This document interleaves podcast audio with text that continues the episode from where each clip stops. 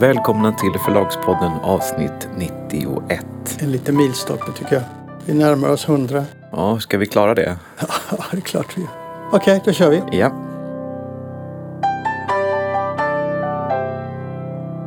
Men nu tänkte vi ta en grej som redan alla har hört talas om antagligen, som intresserade.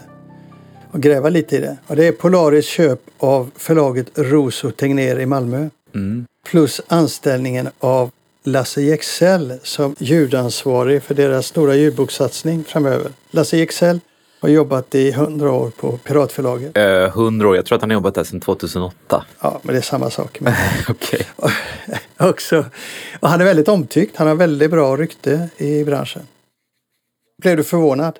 Polaris har ju sagt att de vill köpa upp förlag och ehm, att de vill växa genom uppköp. Så att, att, de, att de skulle köpa förlag, det var väl inte så oväntat. Men Rosa Tegnér var ändå lite av en överraskning. Ehm, det är ett förlag som är ett fackboksförlag i första hand. Och ehm, fackböcker har ju som alla vet underpresterat digitalt. Ehm, och förlaget sitter dessutom i Malmö. Nu var förlaget lite större än vad jag trodde men, men så, ja, ett, det är ett förlag som man kanske inte tänker så mycket på. Men, så det var väl, det var väl eh, lite överraskande ändå att de köpte det. Jag tycker nog att den här satsningen med Lasse Jexell är den stora överraskningen och det är där man har mest förväntningar tycker jag. Alltså de ska ju starta ett, ett nordiskt ljudboksförlag som heter North Audio Publishing. Napp. Okej. Eh, låt oss Nej, inte natt. N- n- North Audio Publishing, Ja, NAP. ja. På engelska blir det NAP. NAP, NAP, NOP. Okej. Strunt samma. Eh, låt oss stanna lite vid köpet av Roso Tegnér. Det som förvånade mig när jag såg informationen det var att Polaris omsatte just nu 30 miljoner och Roso Tegnér omsätter eh, 18 miljoner plus. Mm. Eh, båda siffrorna fick mig att liksom reagera. Jag trodde Polaris hade blivit större så jag frågade Jonas Axelsson, förlagschef på Polaris om det. Han sa det att nej, så är det, sa han. Men för oss har det stora varit att växa till 20 miljoner. Det tog tid, sa han. Nu köpte de, sa han, Roso Tegnér.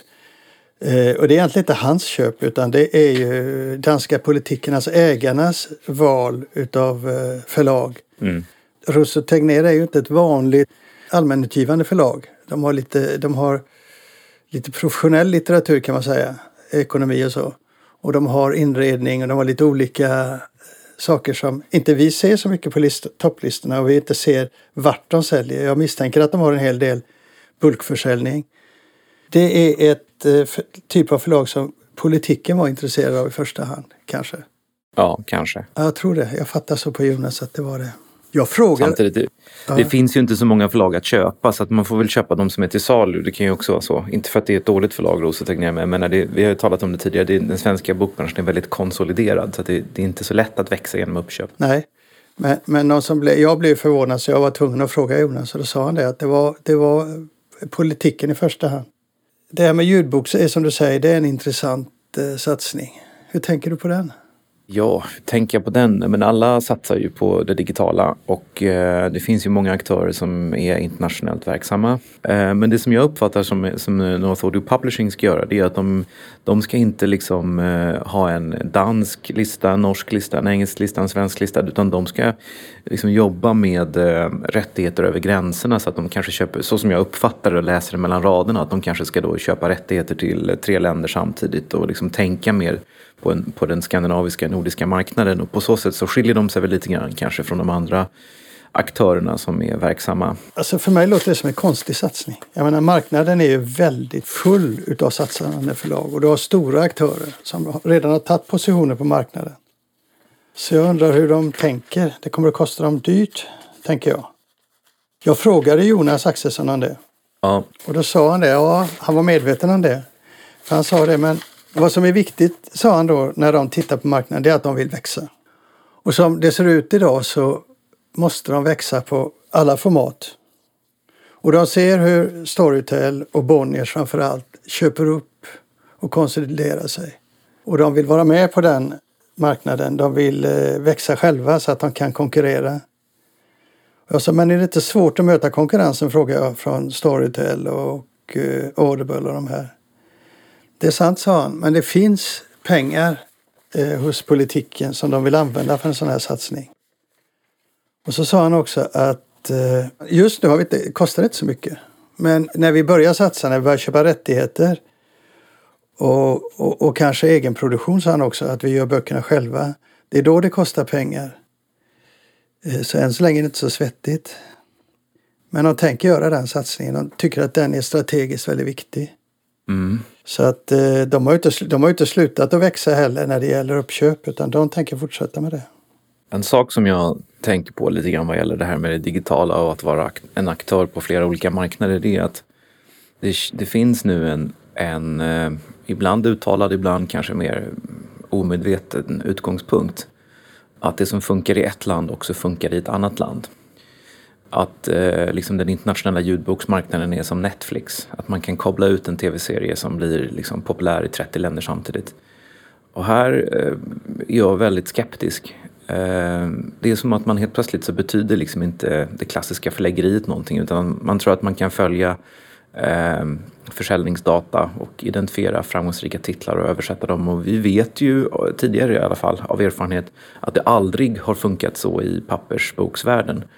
Eh, det finns alltid ett antal internationella storsäljare som, som, som blir enormt stora i alla länder. Men sen har du en eh, förvånansvärt stora regionala skillnader även i Norden. Ja. Och när, när Lind Company bygger sina listor så försöker vi verkligen att bygga lokala listor. Vi tänker inte att vi ska eh, alla något svenskt hybris eh, översätta svenska böcker liksom, och putta ut i världen utan vi tänker att vi ska försöka göra liksom, I Polen är det polska böcker. Jag har bara gjort polska böcker i Polen. I Finland är det finska böcker och i Nederländerna nederländska böcker.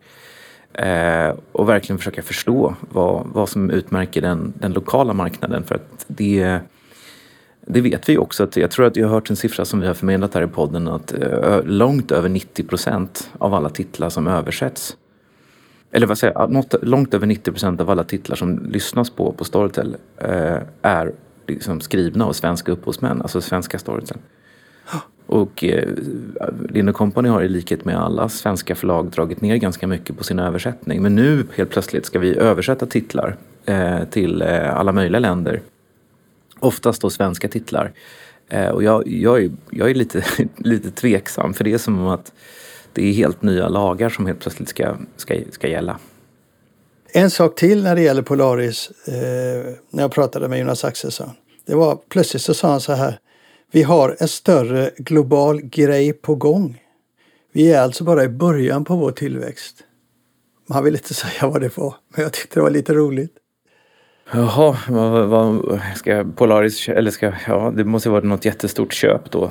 Jag vet faktiskt inte, men det intressanta som jag tycker det är när man tittar på de danska aktörerna som agerar nu. Gyllendal som köper eh, World Audio Publishing och eh, Egmont som har startat Saga Egmont som är väldigt aggressiv på ljudboksmarknaden i Norden.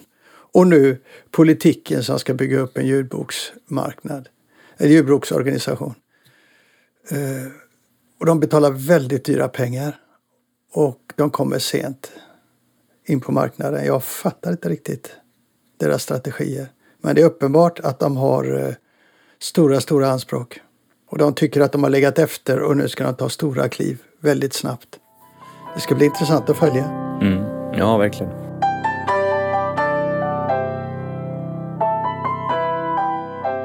Ja, det kom en eh, nyhet här för någon, för någon dag sedan.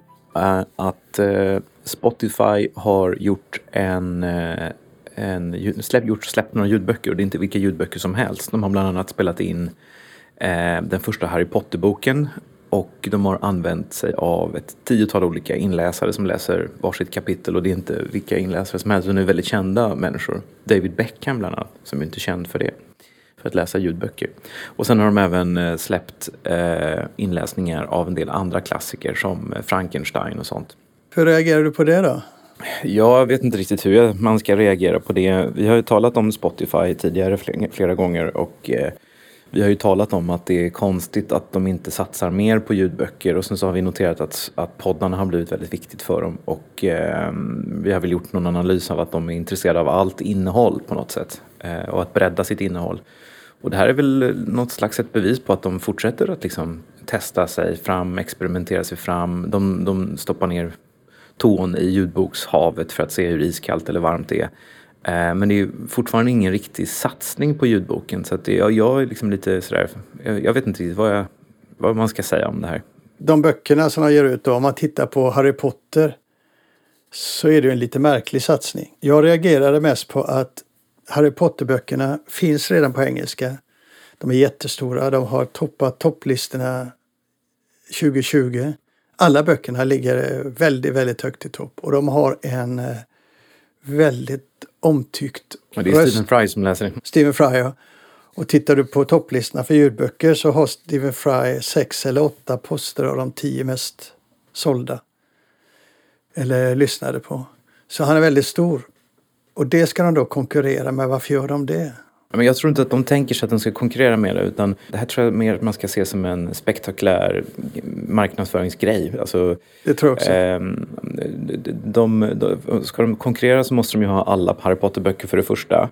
Och att lyssna på en kändis som eh, läser in varannat kapitel det är ju inte riktigt vad ljudbokslyssnarna tycker är kul. Eh, Men att säga att de har en Harry Potter, alltså det här är mer som en grej, alltså som en markering, som en rolig sak att skriva en pressrelease. Och eh, J.K. Rowling har säkert fått många miljoner för det här. Ja, jag, jag ser det Eh. bara som en flagga som säger kolla oss, kolla Ja. oss, hör oss, Ja. vi är med. Ja, ja så, så, så ser jag det också. Men frågan är, de kan ju inte bara hålla på och göra häftiga, hippa grejer. De måste ju ha någon strategi. Jag menar, det är dyrt att positionera sig på den marknaden, och ljudboksmarknaden. Så då bör de nästan gå in och köpa något färdigt. Alltså det konstiga är ju, eller det, det, det svåra är inte för, för Spotify att starta en ljudbokstjänst. Eh, och det svåra är inte heller för, för Spotify att köpa upp en existerande ljudbokstjänst. De, de måste ha enorma kataloger till att börja med. Och sen så måste de ändra sina ersättningar eftersom förlagen får typ 20 öre per lyssning som det ser ut i nuläget. Och amerikanska och engelska förlag de gillar ju inte ens den revenue share modell som svenska streamingtjänster använder sig av. Ehm, så att det, det är ju liksom, bara där har man ju ett problem. Ja, Jag ser ingenting ännu som tyder på att de, de vill vara en traditionell streamingtjänst.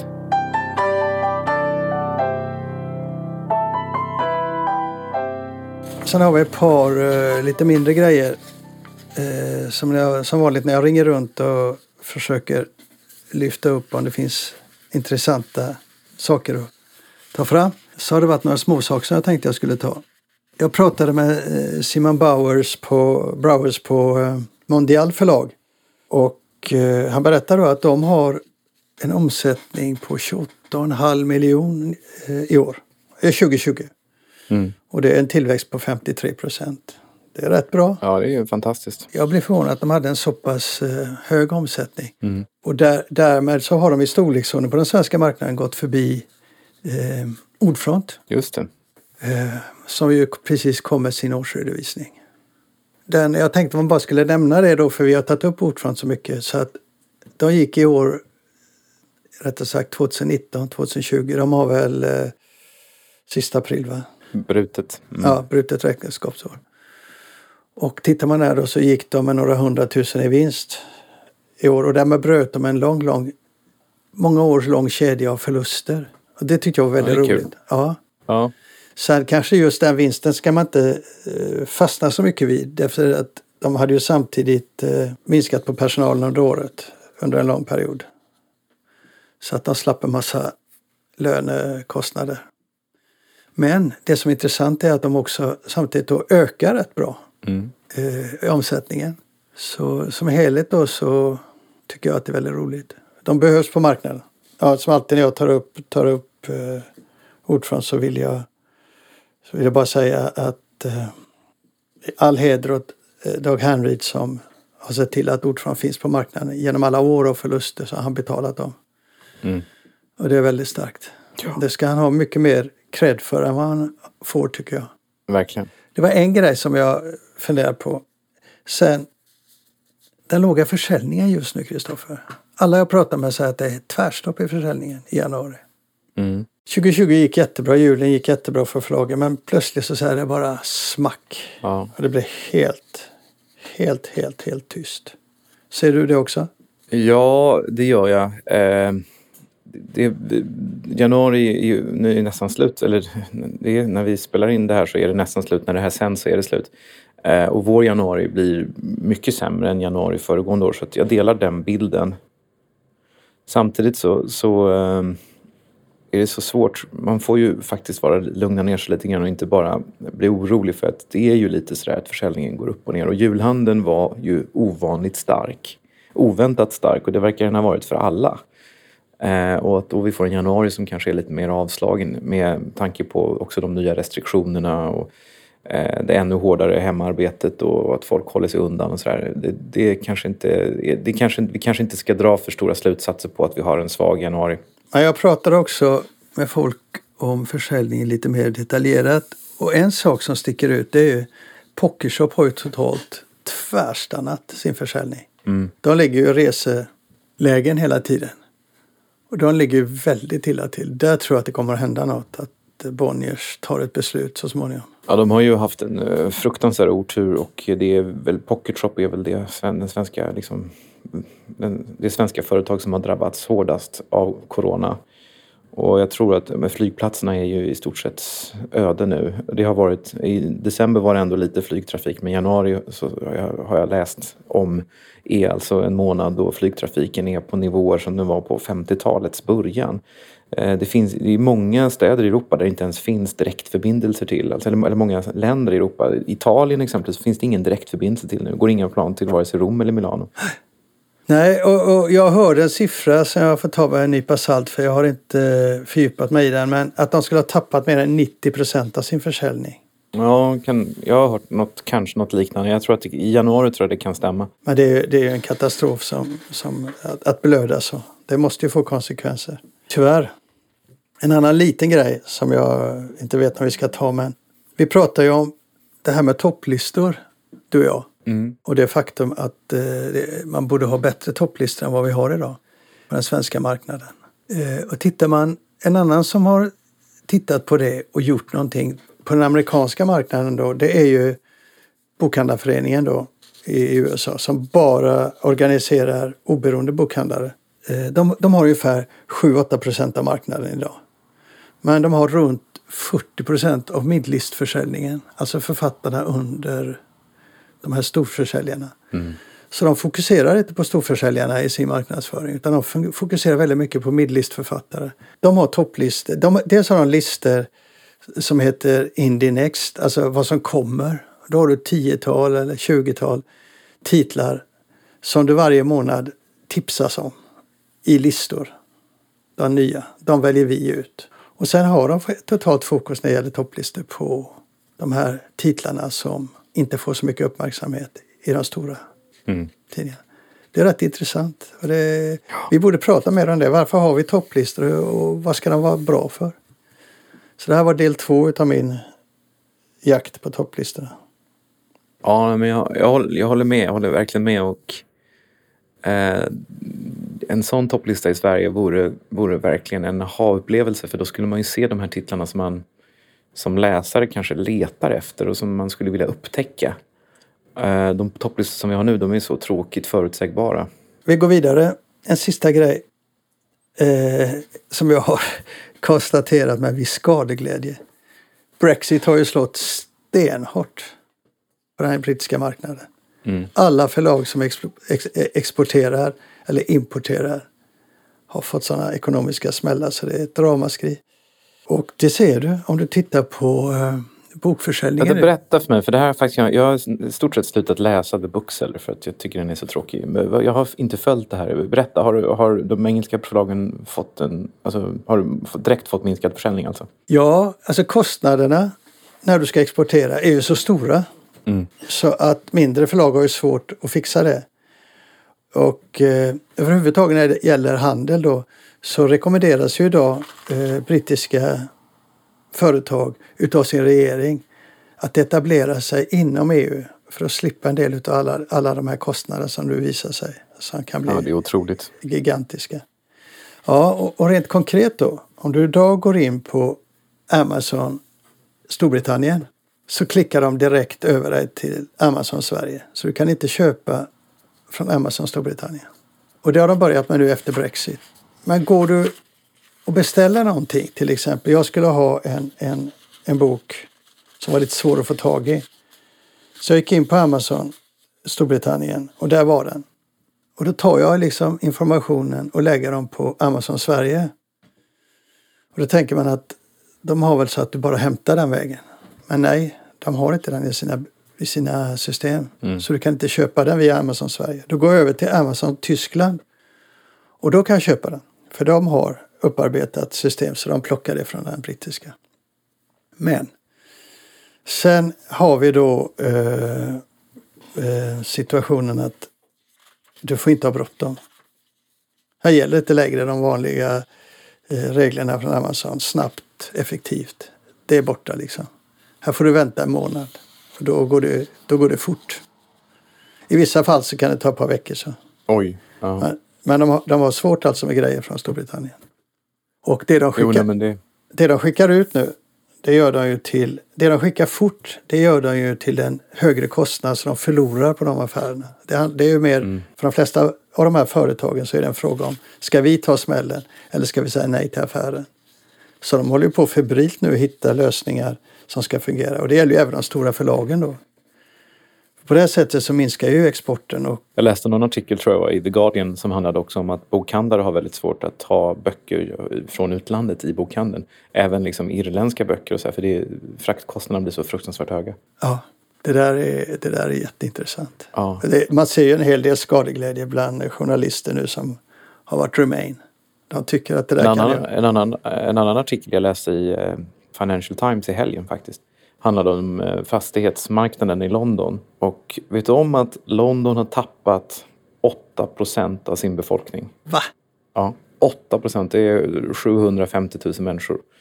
Och det är då folk som, eh, det är väldigt mycket folk som har jobbat i London alltså. Det är mycket Ehm, Ehm, det är både kvalificerade människor som bankers och sånt som har jobbat på stora banker som har flyttat till Paris eller Frankfurt. Ehm, men det är också liksom polska rörmokare och den typen av... Men du minns ju själv när vi var i London, det finns ju på alla hotell och så är det inte en engelsman som jobbar. Ehm, utan London har ju varit fullt av gästarbetare från, från Europa. Och eh, sen är det även studenter. Jag menar, det, London är en stor universitetsstad. Det finns ju nästan inga internationella studenter kvar. Så att det är ju liksom nu, vad som hade hänt på, på hyresmarknaden var att i centrala London så hade, alltså i, i innerstan i centrala London i Mayfair och sådär, så hade alltså hyrorna sjunkit med 14 procent. Um, men priserna på villor liksom, i ytterkantsområdena hade ökat och det är samma effekt som man har sett i hela Europa. Att folk vill bo större när man jobbar hemma och man kanske lägger ner mer pengar på sin bostad. Men man vill också bo nära grönområden när man flyttar ut från innerstan. Eh, men nu är man orolig att om den här utvecklingen fortsätter så kommer då, det är väl, i London är det väldigt vanligt med buy to let, alltså att folk som köper flera lägenheter för att hyra ut. Eh, och allt bygger på att man kan ha en viss hyresnivå. Så om, hyresnivån, om hyrorna fortsätter att sjunka så kommer det många som tvingas sälja. Och då kommer det kanske leda till en fastighetskris. Ja. Allt på grund av Brexit. Vi är skadeglada bägge två va? Ja, nej, lite faktiskt. Jag tycker det är, liksom, det är synd om alla som har röstat. Som, det var ju väldigt många som röstade för, för för Remain. Men, men det är liksom, de kan sitta där i sin splendid isolation och eh, lysa och glänsa och handla med, med uh, the Commonwealth. Ja, ja, ja, jag eh, måste erkänna att jag är lite skadeglad. Jag har varit intresserad av att se vad det här kommer att leda och det är jag fortfarande. Men eh, jag tycker det är tråkigt. Jag tycker det är helt fel väg att gå. Jag tycker också det är fel väg att gå. Sen finns det massa saker som är fel med EU men, men eh, jag tror inte att vägen framåt är att eh, bygga murar mot omvärlden, framförallt inte mot sina grannar. Ja, det var allt för avsnitt 91. Men innan vi lämnar det så måste vi ta upp en sak eh, som blir krånglig för våra lyssnare. Jag har precis sagt att vi lämnar det där med en gång i veckan och går över till en gång var fjortonde dag. Men det gillar inte du. Så du har en, Nej, men jag, mm. ja, så du har en annan tanke? Men vi, vi skulle göra, vi skulle spela in, när vi spelade in det här idag så hade vi väldigt lite material och sen så vi visste inte hur vi skulle få ihop någonting och sen så fick vi ändå ihop eh, material så att vi hade och det blev över. Och eh, jag upplever att när vi inte gör ett program varje vecka så slöar vi ihop. Vi liksom slappar till oss. Och eh, vi, när vi gör varannan vecka så har vi också ett jättestort problem att vi kan inte ta eh, aktuella saker för de tappar i aktualitet. Så att nu kör vi en gång i veckan under corona. Vi har ändå inget annat för oss. Och så får vi se hur det blir. Men vi behöver ju givetvis allas, alla lyssnarnas hjälp med att ge oss bra material. Så att hör gärna av er till Förlagspodden. Både med nyhetstips men också med tips på sånt som du tycker vi ska prata om. Är du god eller? Vi har inget annat att göra. ja, nej men jag håller med dig. Men eh, min fråga till dig är då. Har du tråkigt? Jag tycker att det är lite tråkigt nu under corona, ja. Ja, men då, då ställer jag gärna upp på detta för din skull. Mm, du är min bästa kompis. Ja, det är så vackert. Jag får en tår i ögat nu. Tack ska ni ha för idag. Mm, tack, tack.